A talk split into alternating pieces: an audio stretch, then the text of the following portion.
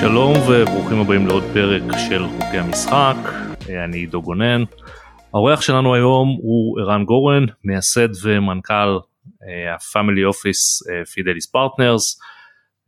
ערן מאוד אה, ותיק בתחום ההשקעות, בעבר אה, הקים את חברת ההשקעות זאנקס, התאחד עם אה, נשואה, היה מנכ"ל, אקסלנס נשואה אחרי מיזוג נוסף.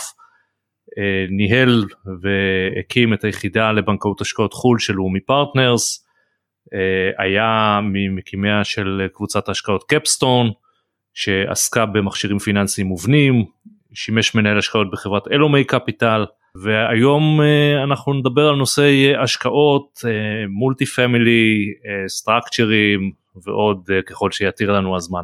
שלום ערן. שלום וברכה.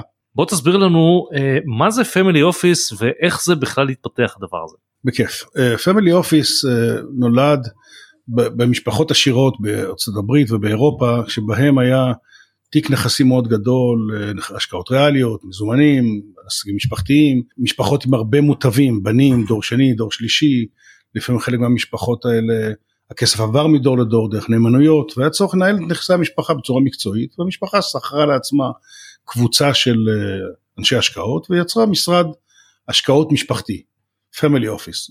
בעיקרון זה single family office כי הוא בעצם משרד שמשרת משפחה אחת אותה משפחה ששכרה את שירותיו. עם השנים לאורך המאה ה-20 גם התפתח יותר ואפשר גם לראות יש family office בסמר של בסמר טייקון הפלדה האמריקאי יש family office גוגנהיים קומפני של משפחת גוגנהיים יש הרבה family office שיצאו ממשפחות והפכו להיות עסק של multi family office מה הכוונה multi? מי שמשרת מספר משפחות כיועץ חיצוני ולא כשכיר אלא כחברת ייעוץ כמו ששוכרים שירותים של רואה חשבון או עורך דין כחלופה ל in-house. ובשנים האחרונות אם נדבר על העולם בכלל צבירה של עושר משמעותי השילוב שקמה בעצם כמה מגמות.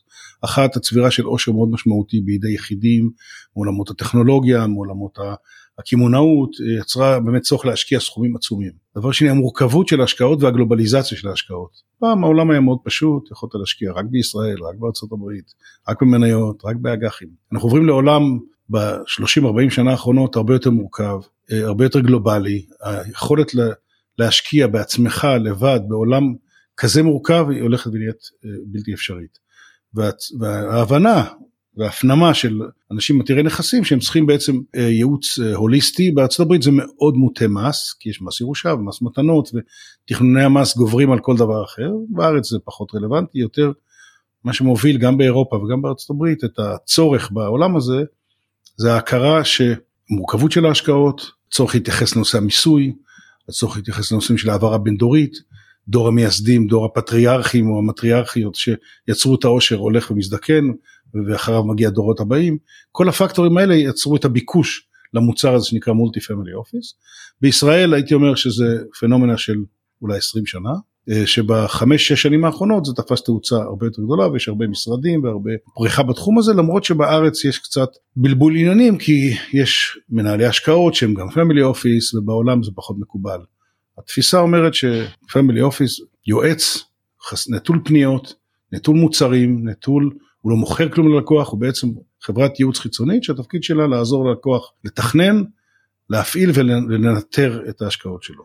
במה בעצם שונה family office כזה או multi family office מבית השקעות, מנהל תיקים או כל גורם שהתפקיד שלו בעצם או יועץ השקעות, נניח אם יש יועץ בלתי תלוי, במה זה שונה בעצם שכדאי ללקוחות כאלה לבוא דווקא לגורם כזה. יש כמה הבדלים מהותיים. ההבדל הראשון זה הפוזיציה, בצד של השולחן. כל האנשים שהזכרת הם אנשים שמוכרים משהו, שירות, קרן, מוצר, והקונה זה הלקוח.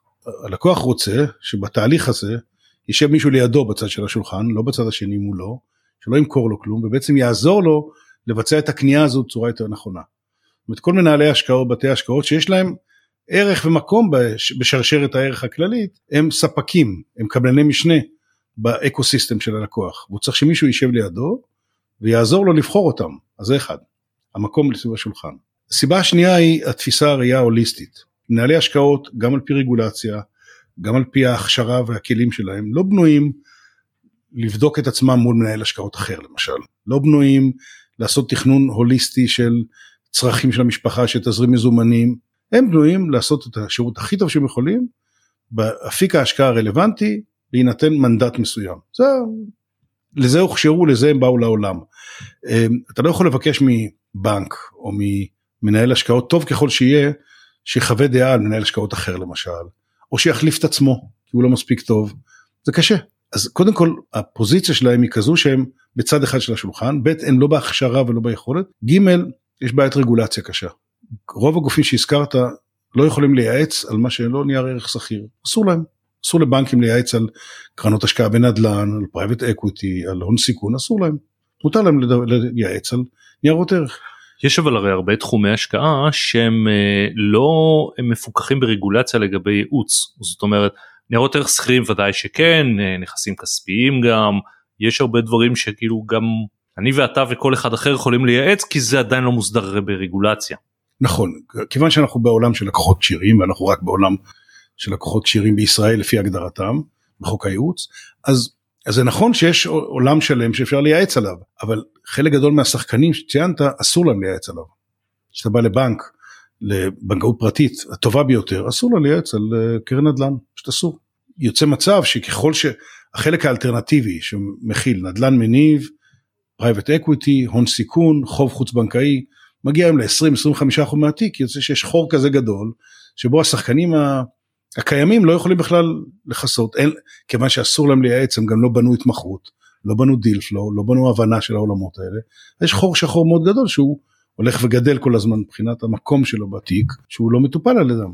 אז השילוב של כל הדברים האלה ביחד, חוסר היכולת או הרגולציה או האיסור לראות ראייה הוליסטית, העובדה שאתה מוכר מוצר או מוכר שירות, אתה בעצם בצד של הספק, והעובדה שאתה חסום רגולטור, רגולטורית להמליץ על הרבה מוצרים יוצר מצב שהיכולת שלך להציע את המוצר המכיל המלא הזה מאוד מאוד מוגבלת.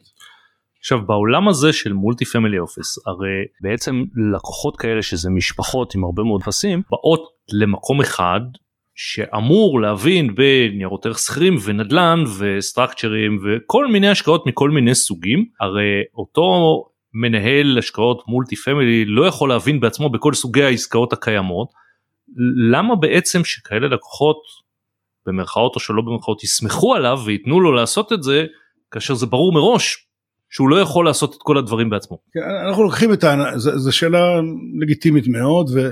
ואנחנו גם לא מתיימרים לדעת הכל בעצמנו. לוקחים אנלוגיות מעולם הרפואה או מעולם הבנייה.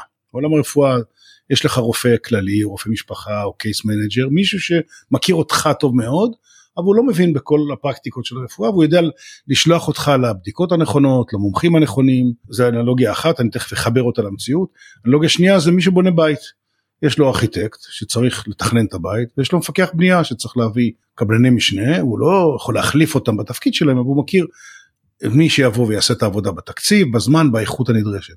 זה יותר הפוזיציה שלנו. הכוח שלנו האמיתי או כוח של מי שבתפקיד דומה לשלי זה להכיר את הלקוח טוב מאוד, להבין את הדינמיקה, את הצרכים של הלקוחות ולהכיר את השוק טוב מאוד.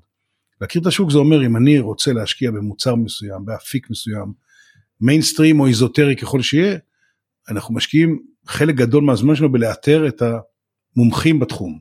זאת אומרת אם אני רוצה להשקיע במניות של שווקים מתעוררים כדוגמה, אני אבחר קרן בריטית או קרן אמריקאית או קרן מסינגפור שלהערכתנו מהבדיקות שלנו מהכנסים שהיינו בהם היא הפתרון הכי טוב בזמן הזה לאלוקציה הזאת וככה זה ילך וייבנה ויהיו קרנות גידור ויהיו קרנות נדל"ן.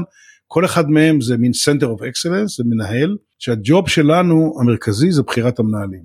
לבחור את אלה שטובים לבחור את אלה שאמינים לבחור את אלה שמניבים תשואה ובסוף הקומפוזיציה secret sauce הדבר המבדל המרכזי הוא לבנות את התיק הנכון מבחינת התמהיל שלו עם הקומפוננטים האלה שבחרנו אותם. לא מבינים בהכל, אבל מבינים, מבינים בלבחור את אלה שמבינים. עכשיו לקוח כזה בדרך כלל, אה, האם הוא יגיד לך, או אתה תבדוק איתו מה הוא רוצה, או שהוא מצפה שאתה פשוט תביא לו את התשואה הטובה ביותר, או מגדיר לך מטרות מסוימות, האם זה רק לשמור על ערך או להרוויח או את רמת הסיכון, ושולח אותך להביא אליו הצעות, או, או שהוא מכתיב את זה. אנחנו לא אוהבים סיטואציה שבה לקוח מתייחס אלינו כמו שגר ושכח. כי זה ניהול ציפיות. אני רוצה שהלקוח יהיה מעורב, ואני חושב שרוב המתחרים שלי פועלים בצורה הזאת, יהיה מעורב בתהליך קבלת ההחלטות.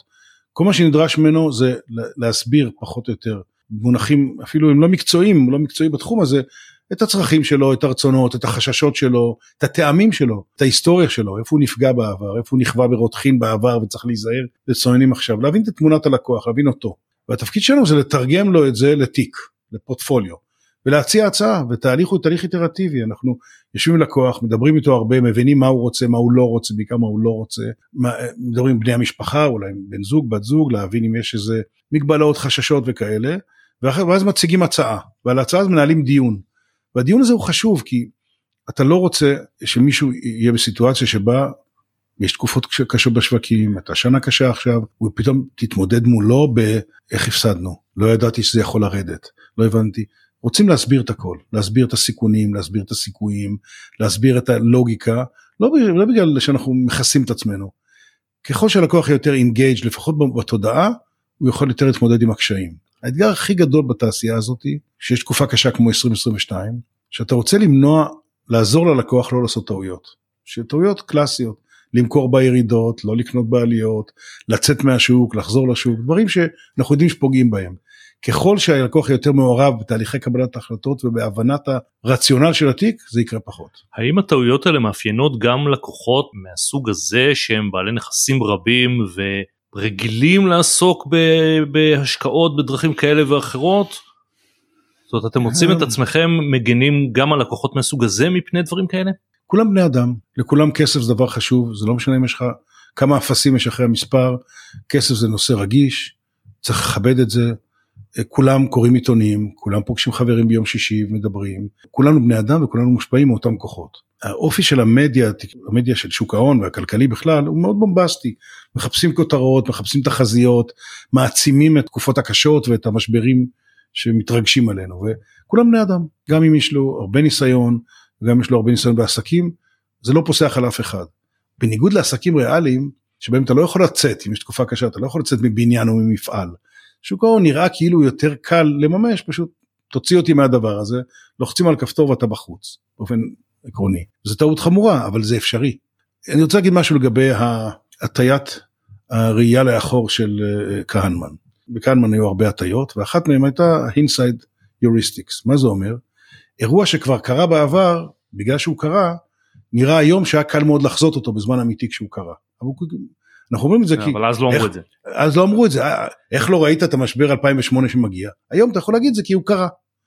אה, אותו דבר לגבי שאתה נמצא ב-31 למרץ 2020, העולם בחריקת בלמים, מגפה משתוללת בכל העולם, מטוסים מקורקעים והשוק ירד 32 אחוז.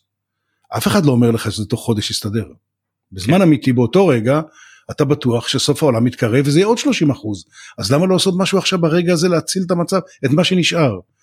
ואז בא הניסיון, קור רוח והבגרות, לעזור ללקוח להימנע, מי שמכר ולשמחתי אצלנו לא מכרו, עשה טעות שייקח לו שנים לתקן אותה מבחינת תשואות. כולם בני אדם, וכולם זה עובד, ואת כולם זה לוחץ, ואנחנו בנויים כ, כ, כפריטים, לא רק כמשקיעים, לשכוח את הדברים הטובים ומאוד לצרוב את החוויות הקשות, וחוויות קשות אבולוציונית הן כאלה שמגדירות אותנו, אז אם אתה, כל אחד זוכר איפה הוא היה במשבר, מי שמספיק זקן, משבר הבנקים ב-82, מדור ההורים, אז כן, כולם בני אדם. בעצם אתם עושים גם השקעות שטעונות ניהול, למשל פרויקטים של נדל"ן, דברים שצריכים יותר מעורבות ניהולית, או רק השקעות שאתם כמובן משתדלים שיהיו טובות אבל פסיביות. אנחנו משתדלים שלא לעשות uh, uh, השקעות שהן בניהול שלנו, מגישה פשוט uh, הייתי אומר איזושהי רמה של צניעות והכרת המגבלות. כל מי שקונה דירה בברוקלין או, או בוא, אוסף כמה חברים לקנות בית בפרויקט לא יודע, מסחרי בפילדלפיה, הוא הרפתקן יותר מה שאני, אנחנו עסק שמרני. התפקיד שלו קודם כל לשמור על הכסף ואחרי זה להצמיח אותו בצורה סבירה וזהירה. נדל"ן לדוגמה זה עסק נורא מקומי, רגולציה, מימון, הבנת השוק, marketing, לבנות את המוצר הנכון, להגיד שאתה יכול להבין מפה מהרצליה, שהמשרד שלנו, איך בונים באמת פרויקט מולטי פמילי באטלנטה ג'ורג'יה, זה בין יומרני להזוי. אז אנחנו מעדיפים לעשות את זה עם אנשים שזה מה שהם עושים כל השנה, במספרים גדולים, עם טרק רקורד של 20 שנה, נראה לנו יותר בטוח, יותר הגיוני, ואנחנו לא חורגים מהכלל הזה. עכשיו הלקוחות שלכם אה, זה בעצם אנשים שנותנים לכם הרבה אמון. אני מניח שלא פשוט לרכוש לקוח כזה ושזה בנוי על אה, לא מספר מאוד גדול אלא יותר אה, לקוחות אה, גדולים. אני מניח שכמו אה, כמונו עורכי הדין אתם מתעסקים גם בנושא של העברה בין דורית זאת אומרת אנשים עשו הון או, או, או הגדילו הון ועם הזמן מבינים שהם לא לנצח איתנו ורוצים לסדר את העניינים נקרא לזה לפני שזה עובר לדור הבנים. שזה שילוב של לדעתי שלושה דברים גם הנושא של השקעות פיננסים גם פסיכולוגיה שאני מניח שהם נזקקים גם לזה וגם אה, עריכת דין או הצד המשפטי. האם זה דבר שאתה רואה אותו הרבה אצל הלקוחות מהסוג הזה ואיך בעצם מטפלים בדבר הזה? השאלה הראשונה שלך הייתה ההערה הראשונה לגבי איך בונים את האמון עם הלקוחות. אז זה שילוב של כמה דברים. קודם, דבר ראשון זה מוניטין אישי. אנחנו אנשים שבאנו לעסק הזה אחרי 25 שנה בשוק ההון, גם אני וגם שותפי. עם טרק רקורד של הרבה שנים, אנחנו לא ילדים, אז כאילו אנשים יודעים שאתה כבר עברת איזשהו תהליך של הבשלה, של ניסיון, שהמוניטין שלך נבחן, זה אחד. שתיים, זה מאוד פה לאוזן ומאוד אנשים, הפקטור הכי חזק בלגייס לקוח חדש, זה המלצות של חברים שלו שעובדים איתנו. פמילי אופס שלנו הוא מאוד מפוקס על עולם הטכנולוגיה, רוב הלקוחות שלנו הם יזמים ומשקיעי טכנולוגיה שמימשו או מכרו את החברות שלהם.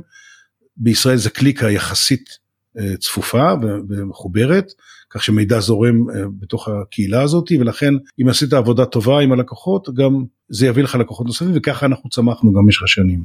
אז האימון נבנה מהפרסונות של האנשים שעומדים שם אה, בחזית, מההמלצות של החברים, וממוניטין, מוניטין שאתה בונה עם השנים. לסוגיה של, של העברת עושר בין דורית צריך לזכור, קודם כל אנחנו מדינה צעירה, אין לנו אף לקוח שלא עשה את כספו בעצמו. אם היית נכנס לפמילי אופיס והייתי בכמה בציריך בז'נבה. בטח דורות ב... אחורה. יש המון המון משפחות משפחות תעשייתיות משפחות של קמעונאות של בנקאות דור שלישי רביעי ושם גם הצרכים שונים כי בדרך כלל הדור השלישי הרביעי כישורי ההשקעות שלו כישורי החיים שלו לפעמים הרבה יותר מוגבלים מהפטריארך המייסד לפני מאה ומשהו שנה שהיה אריה השקעות או אריה עסקים ודור שלישי או רביעי בעצם הם רק יותר מוטבים פסיביים שמקבלים. דיבידנד מהפמילי אופיס. בארץ הלקוחות שלנו הם אנשים שבנו את עצמם, נשים ונשים, לא מעט נשים, שבנו את עצמם, שמכרו עסקים, שבנו עסקים מופלאים בטכנולוגיה, בשירותים, ולכן, וחלקם צעירים, ואנחנו מדינה צעירה. כמה שושלות יש פה של דור שלישי לכסף בגילאים מבוגרים. יהיה, עדיין יש לנו כמה וכמה לקוחות בגילאים יותר מתקדמים, שבו מתחיל תהליך, הייתי אומר שהתהליך של העברת הבין דורית יש לו, יש לו צד פורמלי, שזה אומר לוודא שלכולם יש אה, הסכמי ממון איפה שרלוונטי, שלכולם עשו צבא כמו שצריך, ואנחנו מפעילים עליהם לחץ ומתעקשים עד שזה קורה, כולם, מי שרלוונטי יש ייפוי אה, כוח מתמשך, זאת אומרת, דואגים לתשתית הפורמלית שמסדרת לפחות את ה setup הזה, למספר האמריקאים הקטן שיש לנו, יש גם נאמנויות, הדירות ואחרות, למשפחה, יש גם לקוחות שעשו נאמנות עסקיות, זאת אומרת בנינו איזה מבנים איפה שהיה רלוונטי, תשתית משפטית. או גם היבט של תכנון מס כמובן. ש... כמעט כל לקוח מגיע עם, עם ייעוץ מס, כי מי שעשה אקזיט בדרך כלל עבר עם יועץ מס או עורך דין של מיסוי, ומי שלא אנחנו, אנחנו מחברים אותו עם, עם הרשימה המומלצת שלנו, אבל רוב הלקוחות יש להם אה, אה, יועץ מס אה, שליווה אותם בטח בתהליך העסקי שלו, ויש כמה אנשים שמתמחים בעולם של משפחה ואנחנו מפנים לעורכי דין או ליועצי מס שמבינים את העולם של מיסוי אמריקאי או של צוואות או כאלה לפי העניין. אבל זה הצד הפורמלי. הצד הלא פורמלי הוא תהליך הדרגתי ואיטי מאוד של הכנסת משפחה לתמונה. ולהרבה אנשים יש בעיה עם זה, כי זה רגיש. אה, לא כולם רוצים שידעו, שהילדים ידעו כמה כסף יש להם באמת. הם, הם חוששים שזה יכול לרפות את ידיהם מלעשות איזה מאמצים גדולים בחיים ולהתקדם, כי הם רואים מעבר לפינה איזה סכום גדול שישנה להם את החיים. מצד שני יש כאלה שכן, למשל שבוע הבא יש לי פגישה חצי שנתית עם לקוח עם שלושת בנותיו יושבים ביחד במשרד אנחנו מעלים את המספרים על, על, על המסך ועוברים על הכל. הוא רוצה לשתף אותם בדרך המחשבה שלו בצורת העבודה שלו. הוא עדיין לא איש מבוגר אבל הוא כבר מתכנן קדימה. זה טיפוסי למודל כזה יש לנו משפחה שיש לנו ועדת השקעות חצי שנתית. אבא עם הילדים במקרה הזה זה בנים ואנחנו שבו מקבלים החלטות אסטרטגיות ביחד. אז יש כל מיני מודלים אבל ברובם הם יותר מודלים של inclusion של לחבר את הילדים למידע בגלל שאנחנו עדיין עולם צעיר. 30 שנה כבר היה מקום שהדור 2 דור 3 הוא כבר בשליטה ואז המעורבות הרבה יותר גבוהה אבל כרגע זה בגלל שזו מדינה צעירה בגלל שאנשים עצמם צעירים הילדים אדם צעירים מאוד אז הדבר היחידי שהיום הוא משמעותי בהעברת עושר בין דורית זה הכנסה לתוך מעגלי המידע מעגלי האמון ושתף את הילדים שלפחות אם יקרה משהו חס וחלילה לפחות יהיה להם את הידע אם לא את הכלים. אני אה, נתקלתי במשך השנים בלא לא מעט מקרים שבהם באמת אה, דור המייסדים העסקי אה, ללא קשר דווקא למולטי פמילי אופיס הבין ש... בוא נאמר ילד אחד לפחות או יותר לא בנויים לנהל עסק פשוט טובים בדברים אחרים לא בזה ושהם צריכים בעצם להשאיר משהו נזיל אם זה בדרך של הנפקה בבורסה או בדרך של מכירת נכסים מסוימים. האם בעצם הדבר הזה זה מטרות שלפעמים גם נותנים לכם כדי לגרום לזה שהתיק בסופו של דבר ילך לכיוון כזה או אחר של הורשה ביום מן הימים? פחות, אני מכיר את המודל שדיברת עליו, כי בעסק משפחתי זה מאוד מהותי מי יהיה הלידר, מי יש לו את היכולות, לא כולם יש להם את היכולות. לנהל כסף בהגדרה זה הרבה יותר פסיבי, הרי שמישהו בא אלינו ומעביר אלינו את הכסף לניהול או ייעוץ, אנחנו בונים איזה מסגרת ובעצם ה... הלקוח הוא צופה, מבקר, מפקח, אבל הוא לא צריך לנהל את הכסף בעצמו. בעסק משפחתי, אם יש שלושה ילדים ואחד מהם מוכשר מאוד, אז זה די טבעי שהעסק ילך לכיוון שלו. כן ראיתי, זה אצלנו זה פחות רלוונטי בקונטקסט הזה של, של, של שליטה, כי, כי בעצם השליטה יצאה, הניהול יצא ל outsourcing. מה שכן, מה שכן ראיתי זה לקוחות טיפה יותר מבוגרים שמתחילים לעשות שינוי בתיק ההשקעות שלהם. פחות דברים ארוכי טווח, יותר השקעות נזילות, זאת אומרת להתחיל לכנס את הכבשים חזרה לעדר לפנות הערב, לא להיכנס בגיל 72 או 3 להשקעת private equity של 15 שנה, לא להיכנס בגיל 76 להשקעת תשתיות של 12 שנה, אלא לאט לאט מתוך איזו תפיסה שאומרת לא רוצה להשאיר לילדים שלי מיליון שותפויות השקעה ושברי אחוזים וכאלה, אלא משהו יותר מובנה, יותר נזיל, יותר פריק מבחינת היכולת לפרק אותו בזמן אמיתי, זה אני כן רואה, שיש התחלה של הבשלה של לשנות את התמהיל, שיהיה יותר נזיל, יותר ברור, יותר פשוט, פחות כמות של עסקאות שמצריכות איזה ידע נורא ספציפי וזיכרון היסטורי, מה בא לפני מה, כאלה. עכשיו במשך השנים עולם הזה של השקעות נעשה הרבה יותר מורכב. במה בעצם אתם משקיעים? כי הלקוחות שלכם הם לקוחות כמובן עם יכולת כלכלית, אה, אני לא יודע אם כמו של מוסדיים, אבל לפעמים הוא ברמה גבוהה מאוד. Mm-hmm. איפה אתם, באיזה סוגי השקעות אתם משקיעים ואיך אתה רואה את זה משתנה במשך השנים? קודם כל התיק שלנו, אה, אנחנו משתדלים שהוא יהיה מאוד מוסדי באופי שלו, אנחנו ברור שאנחנו בגודל של מוסדי קטן, במצטבר ביחד, אבל בראייה שאומרת, אם נסתכל על המגה מגמות של ההשקעות עבור משקיע ישראלי בשנים האחרונות, מספר אחד זה כמובן הליכה לחו"ל, התיק שלנו היום הוא כ-70 אחוז, 75 אחוז מושקע בחו"ל ולא בישראל. השווקים בחו"ל הרבה יותר מגוונים, הרבה יותר, גם יותר טובים בצורות, הרבה יותר מגוונים, יותר אה, עשירים מבחינת פתרונות ורעיונות, וזה גם מגמה שאתה רואה בעולם המוסדי, בעולם הגמל, הביטוח וכך הלאה. זה אחד חו"ל.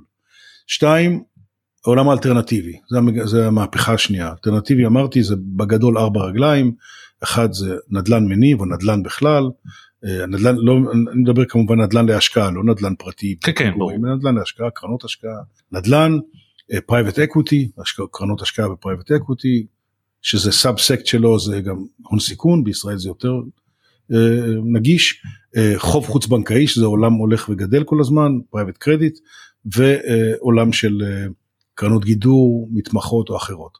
אז הגידול בנכסים האלה בשנים האחרונות הוא אקספוננציאלי במוסדיים וגם אצלנו, אנחנו באנו מחמישה או שישה אחוז ואנחנו בדרך כלל 25 אחוז מהתיק. בשנה כמו 2022 אתה רואה את הוולידיות של זה, שהשווקים קרסו תחת השנים הגרועות בעשרות השנים האחרונות ומה שעוזר לך לייצב את התיק זה באמת רגל של נדל"ן מניב, רגל של חוב חוץ בנקאי שמחזיקות, ממשיכות להניב, הנכסים האלה לא יורדים. אנחנו כמעט שליש מהזמן שלנו במשרד, אנחנו שבעה אנשי השקעות, מוקדש לסינון ופגישה ובקרה של השקעות בעיקר בעולם האלטרנטיבי. לסנן את הטובים, את הלא, את הלא קטנים מדי, את הלא אה, מסוכנים מדי, את הלא בעייתיים מבחינת מוניטין, ולהגיע בסוף לנבחרת כזאת של אה, אה, ספקים נקרא לזה, או פתרונות שאנחנו אוהבים לחיות איתם בתוך התמהיל שלנו. כמעט תמיד אנחנו נשקיע ביחד עם מוסדיים ישראלים. אין כמעט קרן שאנחנו השקענו בה שלא, אנחנו הצטרפנו או שהצטרפו לידינו, או אנחנו הצטרפנו זה פיל וזבוב, אבל שיש מוסדיים ישראלים שעשו דיו דיליג'נס עם היועצים שלהם, של, שבדקו את החברה לעומק, זה חלק ממנגנוני הבקרה שלנו, אבל בהרבה מובנים התיק שלנו דומה לתיקים מוסדיים. זאת אומרת אתם בעצם עושים co-invest אתם לא הולכים לפתרונות שתפורים עליכם ושל עסקאות שנוצרו עבורכם. לא אני חושב שזה פחות טוב למרות שיש לנו תיק נכסים גדול בואו נשאר צנועים יש בעולם אינסוף פתרונות השקעה לכל טעם לכל sub uh, section לכל דבר שתרצה. ואני ועם השנים בשנים ככל שאנחנו גדלים ומתפתחים אנחנו מחפשים יותר פתרונות שהם מיינסטרים אה, אפשר שם התשואה אתה לא משלם בתשואה. הרעיון שבוא נמצא מנהל קטן חדש זריז נעשה תשואה הרבה יותר גבוהה בלונג טרם מתברר כפחות טוב. אני מעדיף לעבוד עם מנהל גדול גלובלי חזק עם מערכות בקרה טובות עם צוות ניהול חזק וגם אם אני אוותר על אחוז תשואה בשנה למרות שאני לא חושב שאני אוותר דיינו כי יש משהו בזה אנחנו עסק שמרני בתפיסה שלו צריך להבין משהו מהותי מי שצבר הון גדול יש לו הרבה מה להפסיד מי שאין לו כסף אין לו מה להפסיד. יכול לקחת המון סיכונים. מי שצבר הון גדול לא רוצה לאבד אותו. לא רוצה לאבד אותו. אנחנו תמיד אומרים שהבדיחה שלנו היא למה אתם באים בבוקר לעבודה? הלקוחות באים אלינו עשירים אנחנו רק צריכים לדאוג שהם יישארו כאלה. הסיכון שלוקח מי שאין לו מה להפסיד הוא לא דומה לסיכון של מי שיש לו מה להפסיד. לקוחות שלנו יש להם מה להפסיד, יש להם הרבה כסף. והתפקיד שלנו לוודא שלא עושים טעויות, fraud אחד, מנהל גרוע במיוחד שמפסיד את כל הכסף שלו, כל וריאציה כזאתי, זה נזק שלוקח הרבה זמן לתקן אותו. ולכן אנחנו מעדיפים לעבוד עם גופים בינלאומיים מוכרים חזקים גדולים שנמצאים הרבה שנים על הכביש עם, עם כל התשתית אה, ש, כי אני חושב שזה מה שהלקוחות צריכים צריכים סטביליטי וצריכים איזון.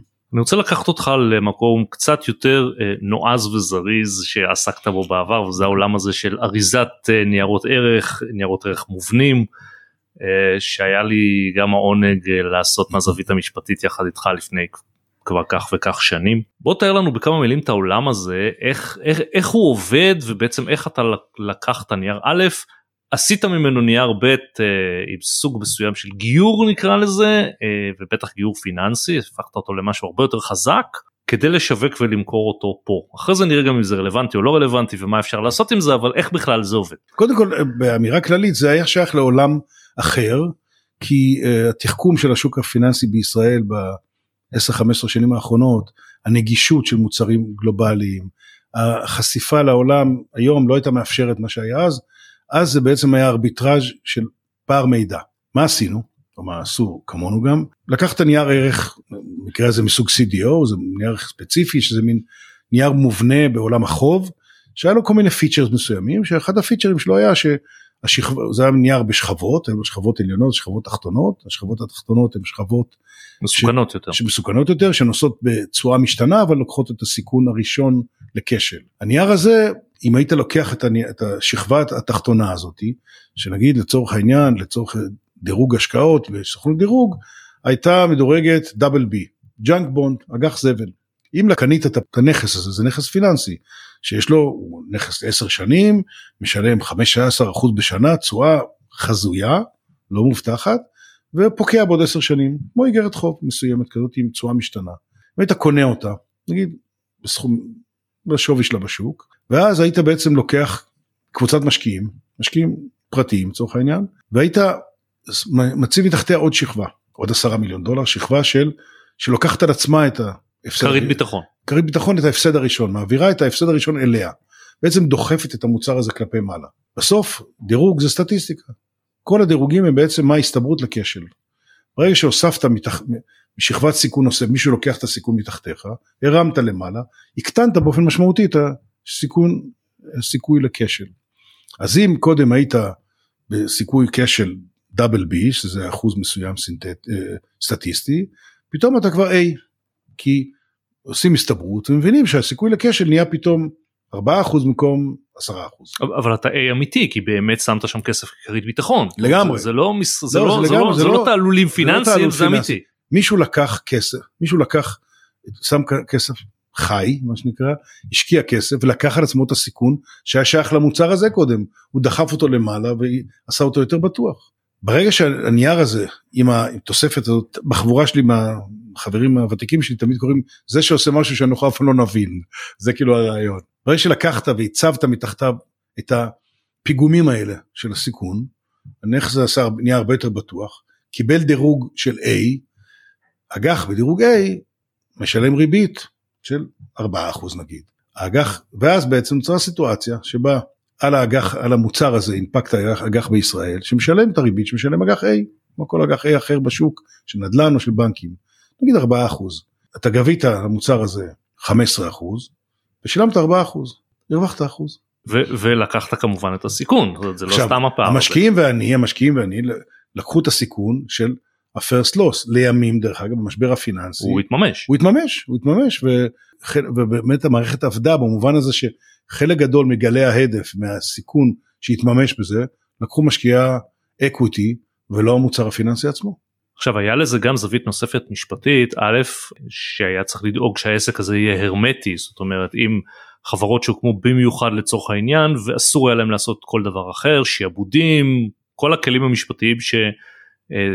שמנו שם במטרה שבאמת זה יהיה מערכת סגורה והשאלה שלי בעצם לא דווקא נייר מהסוג שאתה תיארת אבל בכלל אריזות כאלה מחדש למה היום אין להן.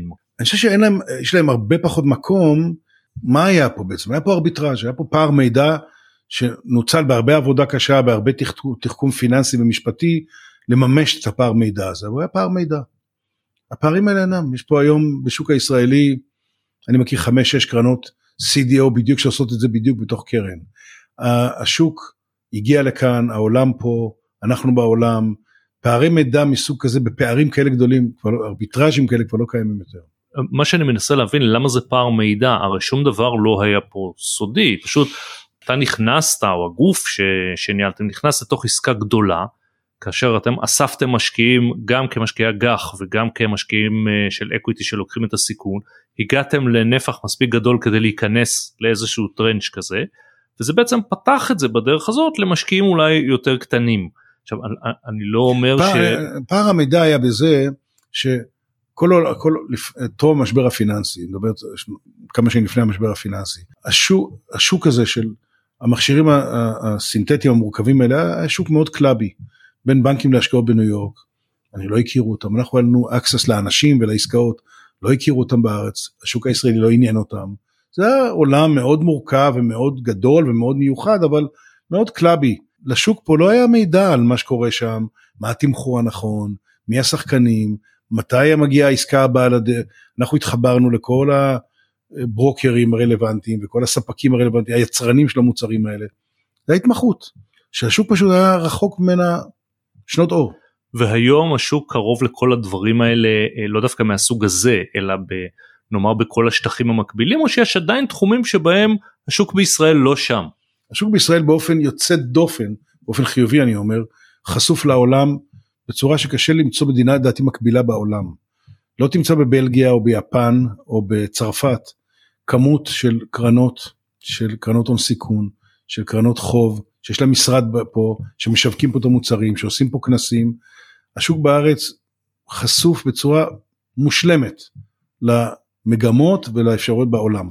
אני נוסע לכנסים בכל העולם, בעיקר באירופה, מנהלי השקעות ושל קרנות, אני פוגש את הישראלים שם, פוגש חברות הביטוח, מקבל משלחות פה של אה, גופים הכי גדולים בעולם שמגיעים לארץ לסיבובי מכירה כל הזמן.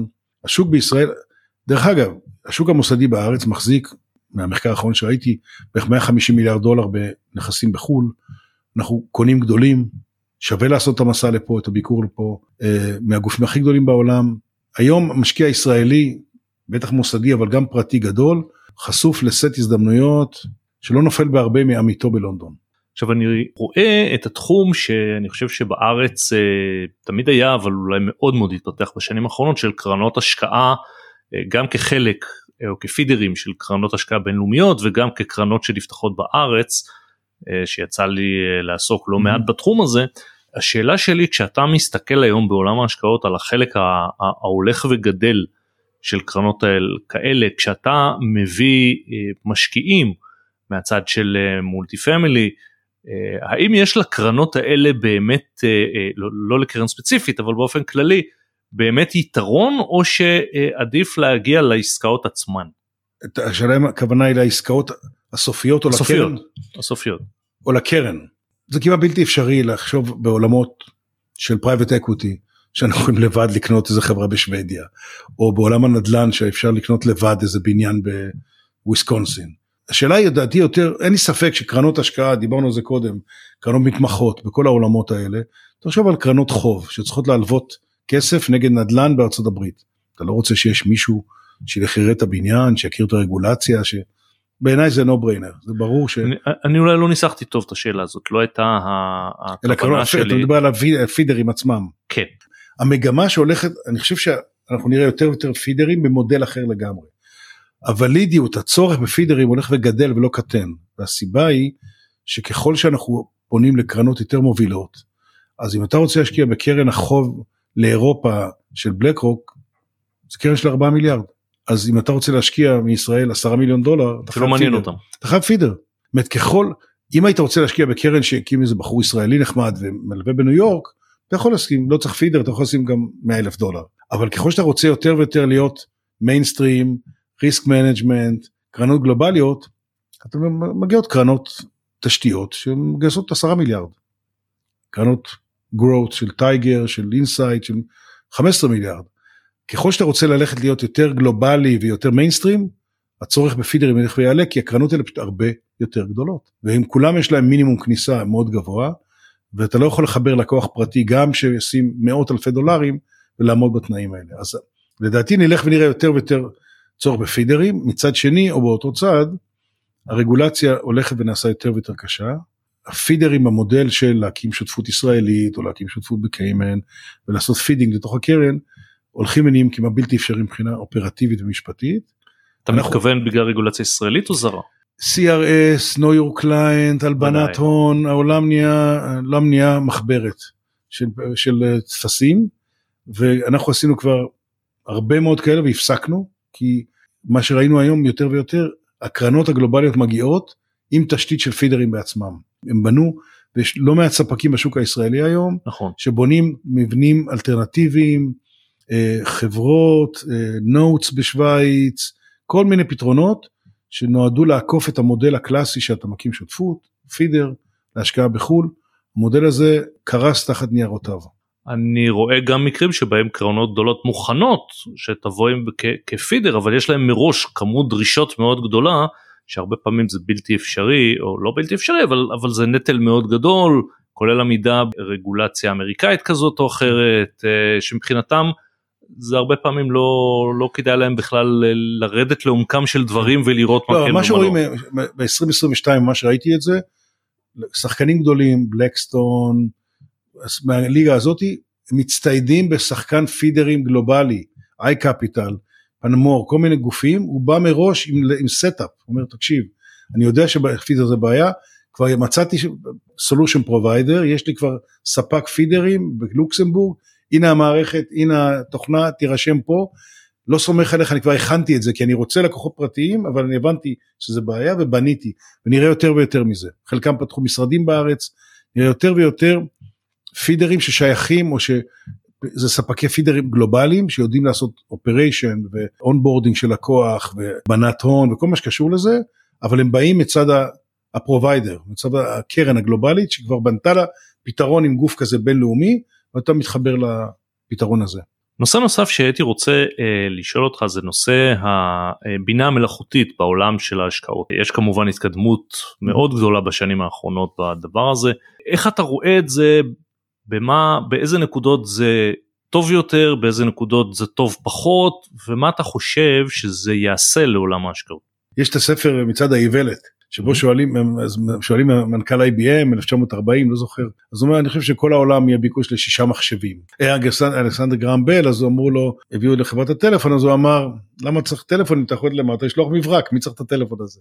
לא החטא במצעד הזה ויש המון ניסיונות כבר הרבה שנים של רובו אדוויזורס של מערכות תומכות החלטה לא דווקא בעולמות ה-AI הנוכחיים אבל יש הרבה בעולם המסחר של ניירות ערך חלק גדול מהמסחר נעשה על ידי מערכות תומכות החלטה והיו הרבה ניסיונות בעיקר בארצות הברית של חברות שעושות גם, גם בארץ גם בנק לאומי נדמה לי יש לו מערכת כזאת של מערכות שתומכות בניהול השקעות. עכשיו אני מאמין שהקטע הספציפי הזה של ניהול השקעות במניות באג"חים במזומן בקרנות גידור יכול לתפוס יותר ויותר אוטומציה. אני מאמין שהמרכיב שדיברתי עליו קודם של הייעוץ האישי של הבנת הלקוח, של הצרכים הרכים יותר של המשפחה, של ההתמודדות עם סוגיות המס, יישאר עדיין אנושי.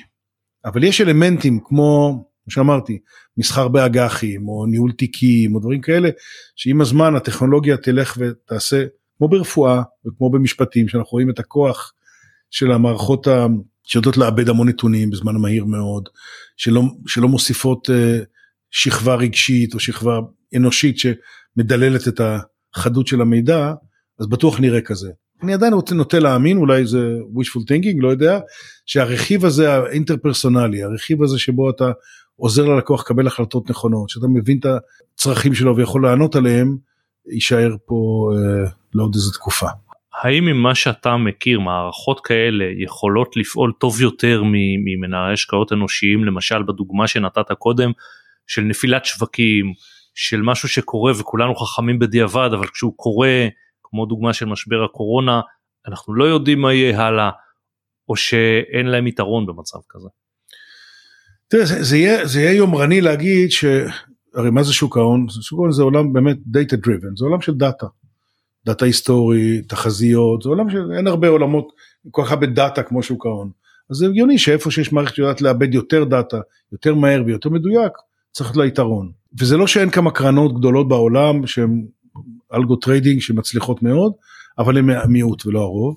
אני חושב שיש אזורים בשוק ההון, בעיקר בעולם האג"ח בעיקר, ריביות וכאלה שדאטה הוא המלך, ויש אזורים שבהם החשיבה האנושית, היצירתיות, ההבנה של מכלול הנתונים, כן יש לה יתרון מסוים במקומות שזה לא, שזה art ולא science כאילו, להבין מגמות בעולם, להבין מגמות, אנליסטים שיכולים לנתח מגמות של חדירה של טכנולוגיות מסוימות, של uh, השפעה גיאופוליטית על דברים כאלה, אז נכון שיש מערכות מידע שיודעות לסנטז את כל המשתנים האלה ביחד לאיזה תמונה. Uh, אני מאמין שיש עדיין אזורים, דוגמה קלאסית זה השקעות פרטיות. יושב משקיע מול קבוצת יזמים ומתרשם מהאישיות שלהם, מהחיבור ביניהם, מה, מהדינמיקה ביניהם, מעבר לרעיון עצמו והאינטלקט שנדרש. אני חושב שעדיין יש כמה מקומות שבהם אנחנו נשאיר לה, לאינטואיציה ולניסיון חיים איזה עוצמה. לסיכום אני רוצה לשאול אותך שאלה אה, שבאמת היא, היא שאלה מתוך ניסיון של המון המון שנים בעולם הזה בהמון אה, פינות שבו אם היית צריך לנסות לזקק את הדברים לאיזושהי עצה או תובנה ממי שראה באמת השקעות ברווחים בהפסדים בהמון תחומים ודברים מה היית יכול להגיד אם זה ללקוח פוטנציאלי משקיע פרטי מה היום מניסיונך אתה או רואה שונה מתחילת הדרך או אתה רואה שדווקא נכון ו- ויכול להגיד משהו שלאור הניסיון אתה חושב שלא משנה מאיפה באים זה תמיד עובד. אני כמובן כן. שואל שאלה זה לא שאלת מיליון הדולר זה שאלה איכותנית לא לא אני, כמותית. אני, אני חושב שיש לי תשובה לזה וגם ככה אני מתנהל באופן אישי. אני חושב שיש מקום לאופטימיות. המציאות נותנת לנו המון הזדמנויות להיות פסימיים. זו דרכם של התקשורת, של אה, מי שמספק מידע או תחזיות. קראתי פעם איזה מאמר קצר שהסביר למה כדאי תמיד להיות שלילי כשאתה נותן תחזיות, חוות דעת לגבי השווקים. יש שלוש סיבות למה כדאי תהיה שלילי, וכל אחת מהן בעיניי לא רלוונטית וצריך להיות חיובי.